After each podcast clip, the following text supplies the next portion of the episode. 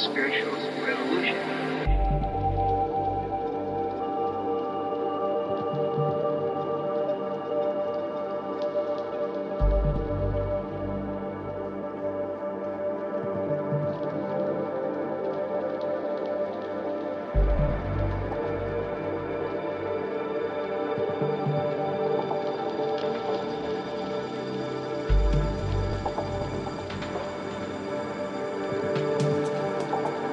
The spiritual revolution.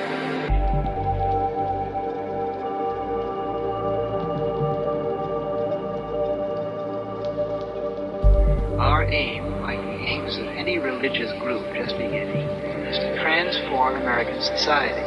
America today is an insane asylum. It's an insane asylum over here. And it's our goal to lift the spiritual level of the American people. We're going to try to bring about a religious renaissance and a spiritual revolution. revolution spiritual revolution.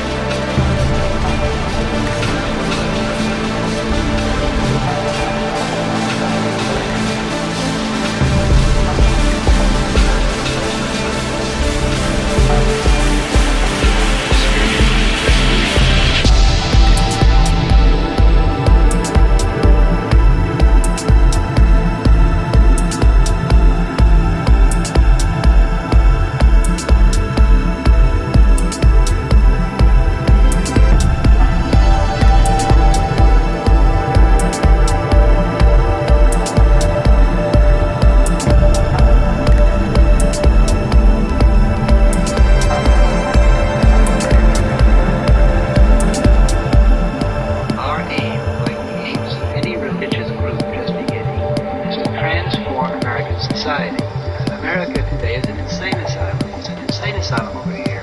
And it's our goal to lift the spiritual, spiritual revolution American people. We're going to try to bring about